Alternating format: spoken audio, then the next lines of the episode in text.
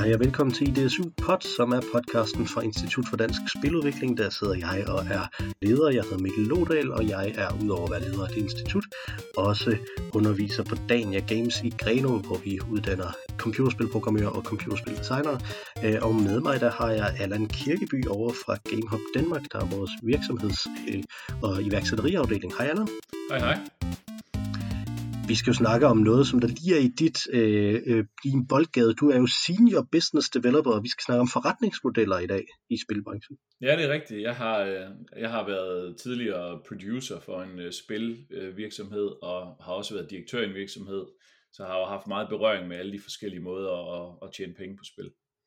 Ja, lige præcis. Og der er en af de ting, som, som vi har snakket om øh, før i podcasten, det er, at en af de store forandringer, der ligesom er sket i forhold til spiludvikling, det er øh, internettet og den, øh, den sådan nemme adgang til internettet. Og det har også haft en ret stor betydning inden for forretningsudvikling. Sådan som du fortalte det til mig, da vi lige snakkede offline, inden vi, øh, inden vi lavede den her podcast, så var det, at der i virkeligheden har været en slags bevægelse fra det, som der hedder business to business, altså at rigtig mange spiludviklere i virkeligheden laver meget af deres øh, forretning op imod andre øh, forretninger, så det er mere business to consumer. Men vil du forklare lidt om, hvad, hvad du tænker med det, og, og hvordan den her øh, øh, forandring har været? Ja, altså det er jo øh, i, i, i gamle dage, og når jeg siger gamle dage, så, øh, altså nu er jeg jo midt i 40'erne, så for mig, der startede jeg jo i, i 90'erne, øh, ikke? Og, og der var ikke rigtig noget internet. Og, og dengang og op i 2000'erne, der, der blev spillene udgivet på CD-ROM øh, eller DVD, og så blev de jo puttet i en, en papkasse og sat på hylderne i butikkerne. Øhm, og det, det, har de, det gør de jo teknisk set stadigvæk, men dengang var der ikke andre valgmuligheder for forbrugerne, så forbrugerne gik ind i en butik. Øh, den model, man brugte dengang, set fra spiludviklerens synspunkt, var jo, at de sad og udviklede et spil, og så skulle de sælge til nogen, der kunne putte det her spil på en CD-ROM og distribuere det ud i butikkerne. Så derfor var der nødt til at være det, man kaldte en business-to-business case set fra spiludviklerens synspunkt. Og så var det egentlig butikker som for eksempel Elgiganten eller GameStop, der så solgte til slutbrugeren, kan man sige. Ikke? I dag er, giver internettet jo mulighed for, at, øh, at spiludviklere kan, kan smide deres spil op på online butikker, så kan man så sige, så er det stadigvæk en transaktion imellem udvikleren og for eksempel Steam, hvor rigtig mange mennesker køber deres spil i dag eller inde på Xbox eller Playstation, hvor man kan købe spillene direkte ved at downloade dem og betale online med sit kreditkort. Men den model er meget tættere på en direkte business to consumer, fordi spiludviklerfirmaet sælger direkte til dem, der rent faktisk spiller deres spil, og dem, der spiller spillet, kan kommunikere og øh, bede om refusion af pengene direkte til, øh, til dem, der udvikler spillet. Så ja, det er den udvikling, der er sket. Yes, lige præcis. Jeg er jo øh, 10 år yngre end dig, øh, så, så derfor så har jeg jo ligesom, øh, hvad skal man sige, i, i, altså, jeg, jeg bevæger mig som en digital indfødt, er det ikke det, man siger? Øh, oh, jo, ja. mig. og, øh, og med internettet, altså jeg kan, øh, en af mine øh, tidlige minder som, med, med computer er at sidde og downloade ting over internettet jo. Så, ja, øh, og, og for at komme med en sjov anekdote, i, i gamle dage, helt gamle dage, hvor jeg sad der kunne man jo, øhm, der, der var der jo piratkopier, fordi nu er vi tilbage i 90'erne og sådan noget, så jeg håber ikke, der er nogen, der kommer efter mig. Men der, der gik man jo rundt, hvis der var nogen, der havde fået et spil, og så kunne man jo ikke bare lige få det samme spil, fordi det var ikke sikkert, at en butik i Aarhus havde fået det nyeste amerikanske spil. Så måtte man jo gå over til sin kammerat og se det, så der var noget unikt magisk, men ellers kunne man jo også kopiere det og sådan noget. Det var jo, det var jo fy-fy, men Øh, det er jo forhåbentlig water under the bridge. ja, det, det tror jeg alle, som der på nogen måde havde berøring med computer dengang, håber det er. Øh, jeg, jeg synes, der er nogle udviklere, som der stadig er i, i uh, branchen, som der indimellem giver amnesti til dem, som der har, ja. som der har piratkopieret i gamle dage. Ja, men jeg vil også sige, at det har været en stor, det har været en stor vigtig ting for udbredelse af, af spil til så mange som muligt, dengang i hvert fald. Ikke? Og internettet er jo så det, der har kommet og, og hjulpet, og måske endda mindsket øh, behovet for piratkopiering, fordi nu kan du faktisk få det. Så meget piratkopiering kom jo ikke så meget af, at det var dyrt. Lidt måske, men rigtig meget af det kom jo, at man gerne ville have det hele. Han ville gerne have adgang til det hele. Og det var mm. mere begrænset dengang, at tingene skulle distribueres fysisk. Mens i dag kan du jo rent faktisk finde alt øh, måske lidt sværere inde, inde i Kina, men, men stort set i resten af verden kan man jo få adgang til alt via internettet, så det er jo ret interessant. Ja, og få det nemt også, ikke? Altså, det, ja. det er også et spørgsmål om bøvlet i det. Altså, jeg, jeg var en lille bitte purk dengang i 90'erne, øh, og, og jeg, vil, jeg vil helt tydeligt og ærligt sige, at jeg anede ikke, at computerspil var noget, man kunne betale penge for. Nej. altså, det var, det var bare noget, der var. Ikke? Altså, ja, ja. Øh, og, og det hører man også med rigtig mange udviklere, som der er der i øh, øh omkring de 30 eller, eller lidt over, eller lidt under at, at det simpelthen at det har været en, øh, en, en fuldstændig kæmpe stor oplevelse for dem at opdage, at det her det rent faktisk kunne være en karriere. det ja. var noget, som, som man kunne lave, og som man kunne tjene penge på. Øh, og der kan man jo netop godt forstå, at der så ligesom har skulle være en, øh, en, en ret stor infrastruktur, som der kræver, at der har været nogle forretninger, der har taget sig af dem, som der, øh, som der er de her publisher, ikke? Altså som nogle publisher eksisterer stadig, de laver nogle lidt andre ting nu, typisk, øh, øh, nemlig håndterer nogle af de her andre forretningsmodeller. Ja, og hvis man, skal, hvis man lige skal, skal sige sådan helt generelt, så består øh, butikshandel jo af nogle hylder, og på de mhm. hylder er der begrænset plads. Og så øh, helt i gamle dage, da jeg var med til at udgive min første spiller, vi handlede med nogle amerikanske publisher, vi kunne jo ikke bare som en lille dansk virksomhed øh, ringe til Walmart eller en af de store spilbutikker i USA og, og sige, at de skulle købe vores spil. Men det kunne en amerikansk publisher havde så lavet nogle rammeaftaler, om, at, øh, at, at den her store butik, Walmart, de har så så meget hyldeplads, og, og den her specifikke publisher har fået tre pladser til tre spil. Så hvert kvartal eller hver måned skulle de sørge for, at der stod tre spil, som ofte blev købt af brugere, fordi det er jo sådan en supermarked, eller den store butik tjener penge. Så ja. det var de her hyldepladser. Um, og det er lidt interessant med i den moderne verden, hvor at man jo ikke har fysisk hyldeplads som begrænsning, men nu har man sådan set øh, båndbredde, nu tænker jeg jo ikke sådan på internethastighedens båndbredde, nu tænker jeg på, hvor meget er der plads til på din skærm? Altså, man siger, at, at øh, Steam og de andre online butikker er, er crowded eller fyldt. Og det er jo fordi, der ikke er nogen fysisk begrænsning for, hvor mange spil der kan være, men i praksis når man et, et, et tag, eller et loft kalder man det, et cap, hvor at man som slutbruger, kan, man kan jo ikke overskue de der tusind spil, der udkommer mm. om, om dagen næsten. Øhm, så ja, det, det er lidt interessant, at på den måde har, har det ændret sig lidt for, hvordan man skal eksponere brugeren over for, øhm, for spillene, og sørge for, at, at brugerne ser det, de er interesseret i. Så, så ja. Jamen, lige præcis. Så, så i stedet for, at en publisher skulle, som i gamle dage skulle håndtere og få, og få ligesom, her er der hyldeplads, her er der fysisk plads, alle mulige forskellige steder rundt om i landet, og skulle have en kæmpe stor kontaktflade på den måde, så handler det nu om at få skabt opmærksomhed øh, i stedet for at ja, få tiltrukket brugernes opmærksomhed. Og det er noget, som en publisher selvfølgelig også godt, som der godt kan være en virksomhed, der ligesom er, er specialiseret i, men det er også noget, som øh, en lang række udviklere tænker, den del af det kan vi trække ind, enten i vores øh, organisation med nogen, som der er virkelig gode til det, eller vi er selv ret gode til det i virkeligheden. Ikke? Øh, fordi vi selv mener, vi har øh, kontakt med den, her, øh, med den her brugerbase, fordi vi selv kommer derfra typisk. Ikke? Altså rigtig mange af dem, der udvikler spil, er også mange af dem, som der spiller spil. Ikke? Altså at der, at der er et crossover der. Så, så, det, så det har ligesom ligesom kastet boldene op i luften. Og der er nogle publisher, som der har overlevet, og nogle, der ikke har. Lad os sige det på den måde. Ja, og, og på mange områder, altså på nær, på nær den del, det eneste, der ligesom er skåret væk sådan for alvor, 100%, det er håndtering af distribution med lastbiler, hvor at man måske får øh, alle de her CD-rommer i gamle dage, eller DVD'er trygt, øh, og så, skal de, så bliver der trykt øh, mange 10.000 eller øh, 100.000, så skal de puttes i nogle lastbiler, og så distribueres med last, øh, lastbiler og tog rundt i hele Europa og, hele, og til USA og sådan noget. Den del af det er jo ikke relevant med internettet, men de fleste andre arbejdsopgaver i forbindelse med markedsføring og øh, community management, altså at man sidder og sørger for, at, øh, at kunderne kan finde øh, videoer af spillet øh, på YouTube, så de kan lære om det spændende, kontakt til det, man kalder influencers, øh, for eksempel YouTubere, der øh, anmelder spillet. Altså, det er jo en opgave, som ikke bare sker af sig selv, og det tror jeg, mange slutbrugere og gamere ikke er bevidst om. Altså, det er jo en kæmpe opgave at sidde og skrive e-mails til de her folk og chat med dem på på Discord eller Zoom eller forskellige online øh, muligheder og ringe til dem til telefonen og sørge for, at de gider at fortælle om det spil, man er ved at udvikle, sådan at forbrugerne kan høre om det. Og det var meget det, øh, publisheren også gjorde i gamle dage, og der er mange, øh, den moderne publisher øh, har stadigvæk det som hovedkompetence.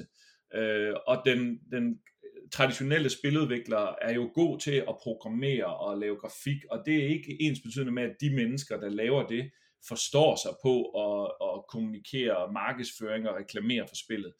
Øhm, så det er sådan nogle opgaver, der skal løses, øh, hvis man vil gå fra rejsen fra at få en idé, og så ud til, at en slutbruger sidder og spiller spillet.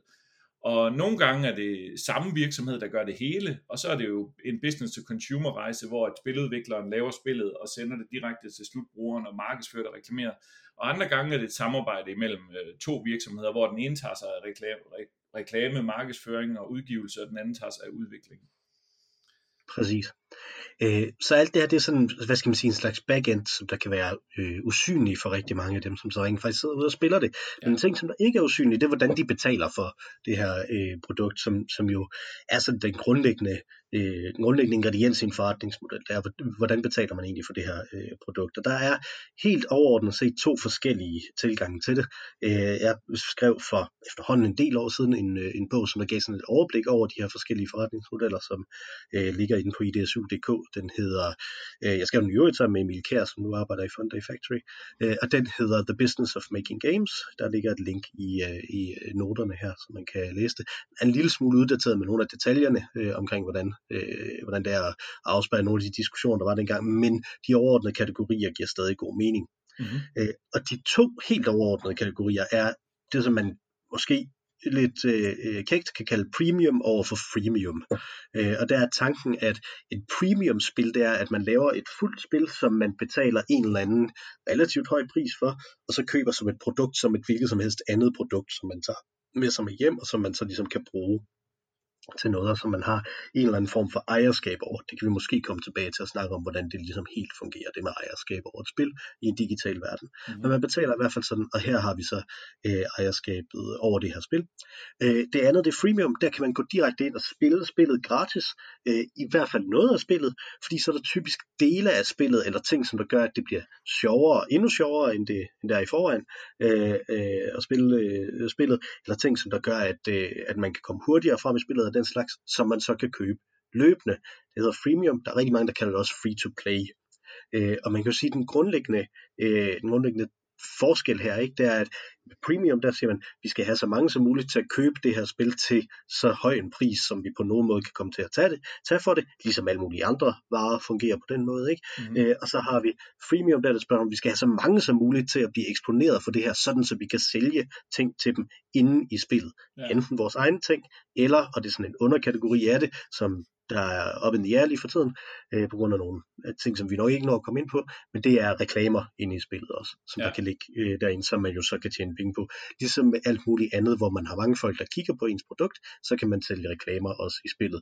Øh, det, det er sådan rigtig meget, øh, rigtig mange aviser og publiceringer øh, i øvrigt altid har øh, fungeret øh, på den måde her. Øh, ikke? Men det lyder jo inde i mit hoved lyder det her jo som om, at det faktisk er to ret forskellige tilgange til, hvordan man laver de her spil også, der kommer ud af øh, forretningsmodellerne. Øh, hvordan, du har jo siddet netop og skulle balancere, hvordan designer vi de her ting til de her forskellige forretningsmodeller. Hvad, hvad er dine tanker omkring det, altså premium og for freemium? Hvilke krav stiller det egentlig til, til sådan udvikler-udviklerne? Ja, altså, lad, altså for at gribe øh, ned i det, som jeg, som jeg åbenbart er min, min uh, darling og min go-to-ting i det her, kig tilbage i tiden, fordi jeg er gammel. Men den, dengang, den dengang da, øhm, der, der kunne man jo kun udvikle premium, fordi spillet skulle være helt færdigt, før du kunne trykke det på CD'en, eller DVD'en, øh, eller Blu-ray, eller hvad de nu hed. Og så kunne du jo ikke, øhm, du kunne ikke lave om på det som spiludvikler, når først det var trykt der så ved jeg godt, at der er oprettet, opstået det der begreb, der hedder patches, som egentlig er tilføjelser, som retter nogle af de fejl. Men det krævede jo internettet for, at de kunne blive distribueret. Øhm, så, øh, så i gamle dage, der var man simpelthen nødt til at lave hele spillet færdigt, lave, og, og det er jo en kæmpe investering. Det koster rigtig mange penge. Der er nogle af de helt store spil. Et eksempel på et, et moderne premium-spil vil være Assassin's Creed, øh, eller vores danske Hitman for den sags skyld det er jo meget ofte, der sidder flere hundrede mennesker og arbejder i tre eller fire år på det her spil, og de skal alle sammen have fuld løn, så det jo, koster jo rigtig mange penge. Øhm, og det, det gør freemium-spil sådan set også, men, men, øh, men så, skal det, så skal man jo have det solgt, og det kræver så, at man sælger rigtig mange kopier og tryk på de her CD-rommer. Så kan man sige, at den, den, øh, den forretningsmodel er, blev så etableret i branchen, og så kom internettet og, og lavede det her disruption, eller ændrede på mulighederne og til at starte med, så startede folk jo bare med at tage den måde, de lavede spil på før, altså premium-modellen, og, og lagde dem op på internettet, og så kunne folk betale, og når, først når de havde betalt, kunne de downloade spillet. Um, men så sidder folk jo og tænker, hvad er der af nye muligheder, og er der noget spilbranchen er, så er det kreativ. Uh, og så tænker man, jamen måske kunne vi uh, tage den der model, vi havde i gamle dage, hvor at når der kom et, et computerblad, så var der nogle gange, at der var nogle spil som en del af deres markedsføring, så lagde de en gratis demo på det her computerblad, men dengang skulle den jo stadigvæk trykkes på en CD, så man kunne ikke sådan gå direkte, når først forbrugeren havde fået det i demoen, så kunne man spille øh, en eller to små baner i den her demo, og så kunne man sådan tænke, ah, er det værd at gå ned i butikken og købe det store spil? Ja, jeg synes demoen var fed og sådan noget. Men med internettet, så fik man jo muligheden for at, øh, at give brugeren adgang til demoen, og så inde fra demoen faktisk direkte trykke på en købsknap. Og jeg tror, det er ligesom at det, der har været udløsningen for øh, de, de første trin og skridt over til det her free-to-play. Um, en anden inspiration til, til freemium og free-to-play var jo muligvis de her samlekort, som har eksisteret uden for spilbranchen, men hvor at fodboldkort og sådan noget, ikke? hvor at øh, hele ideen er, at man får nogle, nogle brugere til at købe sådan nogle, øh, det man kalder booster packs, det vil sige nogle pakker, hvor man ikke ved, hvad det indeholder, men de indeholder 10 tilfældige kort, og så kunne man købe dem, og, og de stammer jo også fra Kellogg's pakker, hvor man du var samlet kort i Kellogg's pakker og alt muligt andet. Ikke? Øhm, men den model er, er så også blevet øh, konverteret og adopteret af den her free-to-play, og så med, lige så stille med internettet, så begyndte man så at finde ud af, at det er faktisk meget nemmere at, at, at, for nogle typer spil at få folk til at begynde at spille dem, og faktisk i sidste ende få dem tjene flere penge på de her forbrugere, hvis vi gør spillet gratis til at starte med. Og ikke bare den lille demo, men gør hele spillet gratis, men så undervejs giver nogle fordele. Og så, øh, så er der nogle komplekse psykologiske mekanismer om, hvorfor folk øh, bider på de her øh, fordele, men det kunne jo være sådan noget med, at hvis du, hvis du betaler 10 kroner, eller 50 kroner, eller 100 kroner om måneden i abonnement, selvom hele spillet egentlig er gratis, men så, øh, så får du altså øh, 10 nye figurer, du kan spille med ind i spillet. Eller øh, du får lov til at åbne en, en ny øh, lykkeæske, hvor der tilfældigt kan komme tilfældige bonusser ud af hver, øh, hver måned, eller sådan nogle ting. Så det er, det er nogle af de mekanismer, man bruger i free-to-play, og det er jo, øh, det er også noget, der, der kom frem, der sådan for alvor også kom gang i, da mobiltelefonerne begyndte at blive en af de dominerende spilplatforme. Ja, også fordi at mobiltelefonerne i deres design og i hele det interface design, som, som jo ligesom er blevet lagt, øh, lagt til grund af, af nogle designer inden ved Apple, og, øh, og så er blevet videreudviklet både af Apple og Google og sådan noget, ikke? Altså, at meget af det handler om, jamen du skal hele tiden være i stand til at trykke på noget, og så få noget mere, ikke? Altså, det, det, er sådan, det er sådan hele interaktionen er i det, det er også der, så, så det er nogle af de ting, som der, nogle af de mekanismer, der også ligger i sociale medier, ikke? Altså, som der så også er blevet øh, taget ind i det her spildesign. En af de ting, jeg har lagt mærke til, fordi jeg underviser jo jo i, i, i spildesign også, øh, og, og, har, og kigger derfor på en del af sådan nogle bøger omkring spildesign. Øh, og en af de ting, som jeg har lagt med til, det er, at der er et ret stort skisme imellem, at hvis du tænker som et premium-spiller, at du skal lave et spil, som skal være færdigt, og sådan der så skal ud, øh, så, så, så er der rigtig meget med, at du skal gennemtænke det hele fra starten af, og lave interne tests, og prøve at se, om ikke de her, øh, de, de fungerer på den og den måde, øh, og så ligesom have et helt stykke produkt, og sådan en slags, hvad skal man sige, kunstnerisk vision på den måde, hvor udover det, at man lettere kan distribuere øh, og lettere kan sælge ting løbende, så kan man jo også lave grundlæggende om på, hvordan spillet fungerer løbende øh, i, i, øh, ved hjælp af internettet i mange af de her free-to-play ting. Så rigtig meget af det, man, man får et spil ud, sådan så det genererer indkomst, men det genererer også en masse data, som man kan bruge løbende til at lave ret grundlæggende om på, hvordan et, et, et gameplay øh, øh, egentlig fungerer, øh, som man ikke vil gøre i de spil, som der opfatter sig selv som premium, uanset hvad de så ellers, øh, hvad de så ellers gør, og hvordan de så ellers sælger noget i det. Ikke? Altså, du nævnte Assassin's Creed for eksempel. Øh, ja. som, som jo er et premium spil i sin selvopfattelse, i den måde, det bliver opfattet på. Man tænker, man betaler de her øh, øh, øh 500-600 kroner. Ja. ja, ja, sådan noget i stil, ikke? Øh, betaler man for det, og så, og så får man det, og så har man et spil, man kan spille. Men der er jo også inde i Assassin's Creed en butik, som løbende opdateres, hvor man kan købe forskellige skins, hvor man kan købe forskellige øh, øh, bonusser til, til at man får mere XP, og man får mere øh, in-game guld og sådan noget også ikke? i det, som man sagtens kan tjene op ind i spillet. Man kan sagtens spille det uden at gøre noget ved den her, øh, i den her forretning, men de lægger det ind, sådan, så de kan blive ved med at tjene nogle penge løbende og generere mere øh, indkomst løbende. Ikke? Altså fordi det vil være åndssvagt andet øh, ud fra deres synspunkt, ikke? fordi folk de vælger at gøre det alligevel. Ikke? Ja, altså man, og man det kan i hvert fald, meget. Ja, man kan jo i hvert fald sige, at øh, altså, øh, du er fuldstændig enig i, øh, i at ja, at, at, free-to-play, der er et overlap imellem, øh, hvordan man arbejder med free-to-play og designerspillet, og så den der øh, trend med, at man udgiver et spil, som er øh, egentlig grundlæggende kan spilles, men hvor man også har som intention at videreudvikle det øh, efterhånden, som brugerne begynder at arbejde med det. Og der kan man jo med internettet, der bruger man noget, der hedder, øh, altså man laver analytics og metrics, hvor man måler på brugerens øh, opførsel. Fuldstændig ligesom Facebook måler på vores opførsel, og derefter sender os reklamer baseret på, hvad det er, vi har vist interesse for. På samme måde, så kan de her spil måle på brugerens opførsel, og faktisk skræddersy den oplevelse hos den individuelle spiller til, øh, altså så kan man til, tilbyde den spiller nogle bestemte øh, tilbud, de kan købe nogle pakker, for eksempel hvis en spiller øh, rigtig godt kan lide, øh, lad os sige det er et spil med, hvor du kan kaste med magi, og du kan slå med store svær, så du kan vælge en af de to, og du kan godt have begge dele, men hvis spilleren primært spiller med nogle karakterer, der har store svær og store rustninger, så kan spillet måske dreje sig i retning af at tilbyde nogle pakker, der, der bedre, der giver større chance for at få nogle flere store svær, fordi det er jo det, spilleren godt kan lide. Så på den måde er det jo også en, en måde at, at hjælpe spilleren på, men set fra forretningsmodellens synspunkt, så handler det jo om, at man så også ved, at så er der større sandsynlighed for, at spilleren vil betale for det her. Øh, en lille nuance på det her er dog, at øhm, uanset om det er free-to-play eller, øh, eller premium-spil, så øh, har internettet også gjort det, at spiludviklere øh, er, nogen vil kalde det dogne, er blevet mere dogne, men, men det er jo en naturlig ting, at i gamle dage, der var der det, det der hed øh, masterdisks, som skulle sendes til øh, et firma, og specielt hvis det var konsol, så var der et meget sådan striks øh, kontrolsystem, hvor man sikrede, at spillet var 100% færdigt, og at der ikke var nogen fejl, der blokerede for, at spiloplevelsen blev god, fordi du kunne ikke lave om efterfølgende, så hvis du brugte en helvedes masse penge på at udgive et spil, så, øh, så kunne du risikere, at det blev en kæmpe katastrofe, fordi hvis folk brokkede sig over, at bane 3 ikke virker, så er det jo et problem for et produkt, hvis du ikke kan lave om. Men i dag, fordi at spiludviklere ved, at de kan lave det om, så kan der være en tendens til, uanset om det er free-to-play eller premium, at man udgiver sådan lidt et spil, der sådan, det burde måske være testet lidt bedre.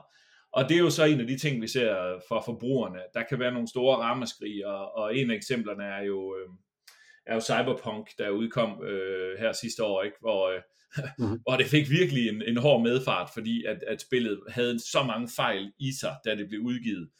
Og så øh, udviklerne tænkte jo, de var, det var jo, pres, de var jo presset fra investorerne, som, som tænkte, nu skal vi til at tjene penge på det her. At så var der ligesom en holdning om, at jamen, så må vi jo rette det efter udgivelse. Så må vi jo fikse de ting, der opstår efter udgivelse. Og, og nogle gange går det godt, og andre gange, øh, andre gange som i Cyberpunks tilfælde, så, øh, så giver det en hård medfart og en negativ omtale i pressen, kan man sige. Ikke? De, jeg tror faktisk, de endte med at tjene penge på det sidste ende alligevel, så forretningsmæssigt var det en dårligere ting. Det var en dårligere forretning, end det kunne have været, men jeg tror ikke, de er sådan gået nedenom på det. Så. Nej, der er der blevet udbetalt bonusser og så sådan noget, har, har der været nogle historier om. Ja. Jeg, jeg tænker også på, der, der var en historie for nylig om øh, Ubisoft, som der i deres, øh, øh, i deres sådan investor call, tror jeg det hedder. Øh, der, der, der snakkede de om, at de udover vil lave, de kalder det AAA, det er de store øh, produktioner jo ikke, ja. som, er, som er premium, som er for eksempel Assassin's Creed, ikke? Øh, så vil de også begynde at lave rigtig meget mere øh, free-to-play og, øh, og, og også mobilspil. Og det, det har noget at gøre med, at øh, Call of Duty, som er sådan en af de andre store ting, som man tænker på som et premium-spil, ikke? altså det her skydespil øh, rundt omkring i forskellige krige, øh, spiller man øh, ja. deri, ikke? Øh, de også har, har haft rigtig stor succes med at have simultant kørende både en mobilversion, en øh, generelt free-to-play version og så deres premium-version ja. øh, øh, af spillet. Øh, og det er der rigtig mange andre øh, af de store udviklere, som der har set på og sagt, okay, det kan rent faktisk godt lade sig gøre. Øh, det her. Øh, jeg tror også, de har skævet en lille bit smule til, øh, øh, til Nintendo, som, som har haft Mario Kart, øh, som, ja. de, som er en af deres store sælger der, øh, hvor de har lavet en gratis udgave til nej, gratis, altså freemium igen, udgave til, øh, til mobilspil, som ikke har været super succesfuld i sig selv, i forhold til at konvertere folk til at betale noget, men heller ikke har trukket fra, hvor mange der køber det rigtige spil, om man så må sige, ja. som, som folk vil tænke, det rigtige spil, altså premium-spillet, ikke? Ja.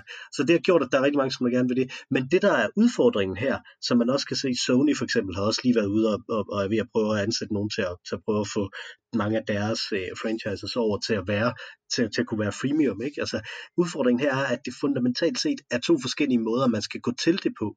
Øh, hvad, hvad er det for en professionalisme, man har? Altså på den ene side har man den professionalisme, som kommer fra den tradition, du snakker om, ikke med at det, der skal være orden i sagen, det skal være færdigt, vi skal have en vision, vi skal have en idé om, at det her det er det, vi leverer. Eller kommer man fra, vi lægger noget ud, og så tester vi det ude in the wild. Man kan lave det som hedder en soft launch for eksempel, ikke? Øh, med at det kun er i bestemte øh, områder af verden, at, at, man, at man tester sit spil, og så trækker data ind der, og så ligesom itererer på det og, og udvikler det løbende. Altså retter vi det, bygger vi ligesom jernbanen, mens vi, mens vi øh, kører i toget, eller er det meningen, at det hele det skal være færdigt, før vi sætter det første tog ind på den her infrastruktur? Ikke? Altså det er sådan lidt de to øh, tilgange, som er to meget forskellige tilgange fra en udviklersynspunkt, og som mange folk de vil være forskellige forskelligt motiveret i, når de sidder i, om de gør et godt arbejde eller ej. Øh, så, så det er meget, meget svært for en organisation at kunne gøre begge dele godt i virkeligheden. Altså jeg, er, det, jeg, der er jeg er fuldstændig enig i, at, at de her to tilgange er, er forskellige måder at tilgå spiludvikling på.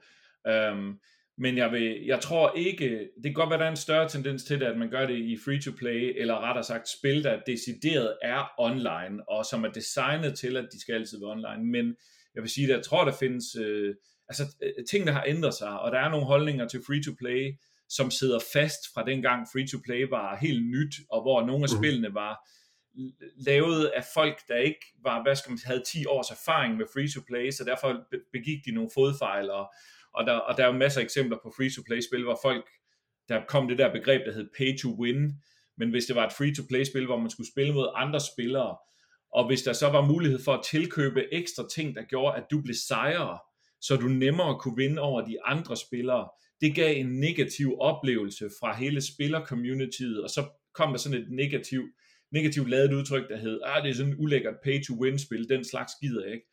Og jeg tror, at, at, at nogle af de ting sidder fast, men jeg tror faktisk, i dag har man både øh, free-to-play-spil, der har den her måde at udvikle på, hvor de udvikler en meget skarp vision, en, en kunstnerisk vision omkring et virkelig elegant lavet spil, som giver spilleren en rigtig lækker oplevelse fra day one.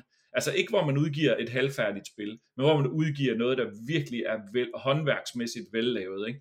Og så er der andre spil, hvor at tilgangen er, at at det er stadigvæk meningen, det, det skal være vellavet, og det, det ønsker alle jo. Alle ønsker jo, at deres spil bliver en succes, blandt andet fordi forbrugerne ser det som vellavet. Men hvor at hele holdningen er, at, at det bedste vi kan gøre, det er at give spillerne en, en grundlæggende oplevelse, og så reagere på, hvordan forbrugerne bruger vores spil. Øh, hvis du laver et sandbox-spil, og man så prøver at måle på, hvad forbrugerne gør, hvis alle forbrugerne, i stedet for at løbe ud og slå dragen ihjel, begynder at øh, holde små sociale fester, hvor at de sidder med deres chat-headset og taler sammen, og så dem inde i spillet kan du lave små bål, og så laver de en bålfest og sådan noget, så begynder man jo at, at bygge og udvikle på ting, der faciliterer det, som brugerne vil have, frem for at man udvikler videre på den idé, man havde om, at det skulle være det her spil, hvor man skulle slå dragen ihjel. Så ja, på den måde så er det en, øh, en, en, der er noget lidt mere nuance i det her, end, end blot, at den ene er der, hvor man laver håndværksmæssigt den gode vision, og den anden er der, hvor man bare sådan udgiver noget, noget, noget skidt, som man så udvikler på senere. Øh. Ja, men det, det, det, det har du fuldstændig ret i. Altså, det er også bare skarpt stillet op det andet. Ikke? Men jeg tror, jeg tror, det jeg tænker, det er forskel på, om man, om man siger, her er et spil, som folk de skal spille, have det godt med i, uh, i noget tid, og så tænke tilbage på, som det var en god oplevelse. Eller her er et spil, som folk skal spille i 10 år. Ikke? Altså, mm. uh, og jeg synes, det som du beskrev der, rammer jo fuldstændig ned i den, i den nok største øh, af de her øh, freemium-succeser, nemlig Fortnite, ikke? Altså, ja. som jo startede som, her er et single, småt multiplayer-spil øh, med nogle øh, missioner. Øh, det er det, der hedder Save the World inde i øh, Fortnite nu, som, øh, som man stadig kan købe, ja. som en premium ting derinde jo, hvis jeg husker rigtigt. Det, jeg tror måske, de vil flytte det til freemium også.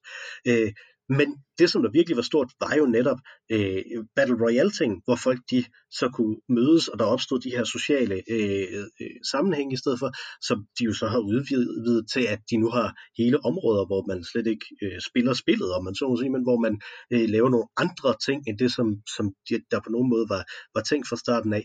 Øh, og hvis man, hvis man som udvikler ser sig selv mere som en eller anden form for, at jeg laver et øh, kunstværk, der ligner nogle af de andre typer af kunstværker, som man laver. Ikke? Altså, mm. øh, at man laver en, øh, øh, et, øh, et maleri eller en film eller et eller andet i den stil. Ikke? Øh, så vil man godt have den afsluttet, den her oplevelse, og sige, ja, vi skal rette nogle fejl med de her patches, der kommer, som det ikke var, som det ikke var meningen, der skulle være, sådan, så det kan køre alle mulige steder og sådan noget. Ikke? Men vi har egentlig afsluttet det. Vi har opnået den vision, som vi gerne vil, og nu vil vi godt videre til et andet projekt. Hvis man så som, som en udvikler, der tænker sådan, ender i at sidde og udvikle på et produkt, hvor man skal iterere og ændre på det produkt løbende hen over 10 år, for at blive ved med, at det er det samme spil, der bare ændrer sig, og derfor stadig er interessant for spillerne, øh, så, så er det to forskellige opgaver, man går til, om man så må sige, og to forskellige ting, der skal motivere en for, at det fungerer. Ja, og, der, det og, og, og det er jeg fuldstændig enig i. Så på den måde, så kan man sige, der er, der er de der to øh, vinkler. Og i virkeligheden, så er det sådan, øh, man kalder det også games as a service. Altså det der, hvor at, at, at spillet...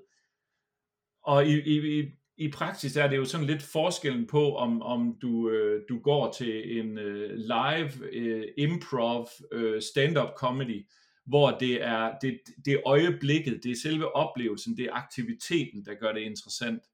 Øh, eller hvis du går i, i Djurs Sommerland, så ved jeg godt, at Djurs Sommerland er et produkt, men, men det er det, du kan, og det, du kan løbe rundt og lege i Djurs Sommerland, og det er jo, Djurs Sommerland er jo så spilrammen, og det er jo det, mange af de her spil skaber, det er jo det her Games as a Service, det er en service, hvor du kan komme og lege og spille og have de oplevelser, som den service nu tilbyder. Eller hvis du ser dit spil som et værk, altså et færdigt værk, ligesom en, en bog eller et maleri, hvor at man giver brugeren muligheden for at opleve en, en finite, øh, altså en endelig oplevelse, hvor du ligesom har en start, en midte og en slutning. Øhm, så man kan sige, og, og, og det er rigtigt, det, det, der skal man som udvikler have enten det ene eller det andet mindset, og, øh, og der findes jo specialister, der udvikler spil, som er specialiseret i hele tiden at, at skabe de her games as a service oplevelser, hvor man hele tiden sørger for, at at communityet, kalder man det, har, øh, kan medvirke til, hvad der sker inde i spillet. Og så, og så findes der jo udviklere, der ligesom sætter sig ned, øh, ligesom en forfatter, og udtænker hele den her oplevelse, som man vil give brugeren. Øhm, og så skal man udvikle på den måde. Så, så det er fuldstændig rigtigt. Det er, sådan, øh, det, det er i virkeligheden to, fra at man, man før 2005 øh, slet ikke kunne arbejde på Games as a Service, ikke for alvor i hvert fald, til at man i dag har ligesom to forskellige øh, håndværksmæssige fagligheder, man ligesom skal udvikle øh, i underlaget under det overordnede, og det at være spiludvikler, kan man sige. Ikke? Ja, lige præcis. Og hvis man skal trække den der Djursland, øh, Djurs Sommerland øh, analogi længere, end den nok kan holde, så kan man jo sige, sælger man en billet, eller sælger man årskort? Og hvordan, øh, hvordan tjener man stadig flere penge på folk, efter de, er, øh, efter de har købt et årskort? Det, øh, jeg har jo selv årskort til Legoland, og der kan jeg da i hvert fald godt mærke, at øh, der er måder, de gerne vil tjene penge på mig, selvom jeg allerede har betalt for en gang. øh, og det er jo sådan lidt den samme ting der. Men vi er ved at være løbet tør øh, for tid. Jeg håber, at det her det gav et indtryk, ikke nødvendigvis i, hvordan de her forretningsmodeller fungerer ned i the nitty gritty. Det skal vi nok komme til senere i den her podcast række også.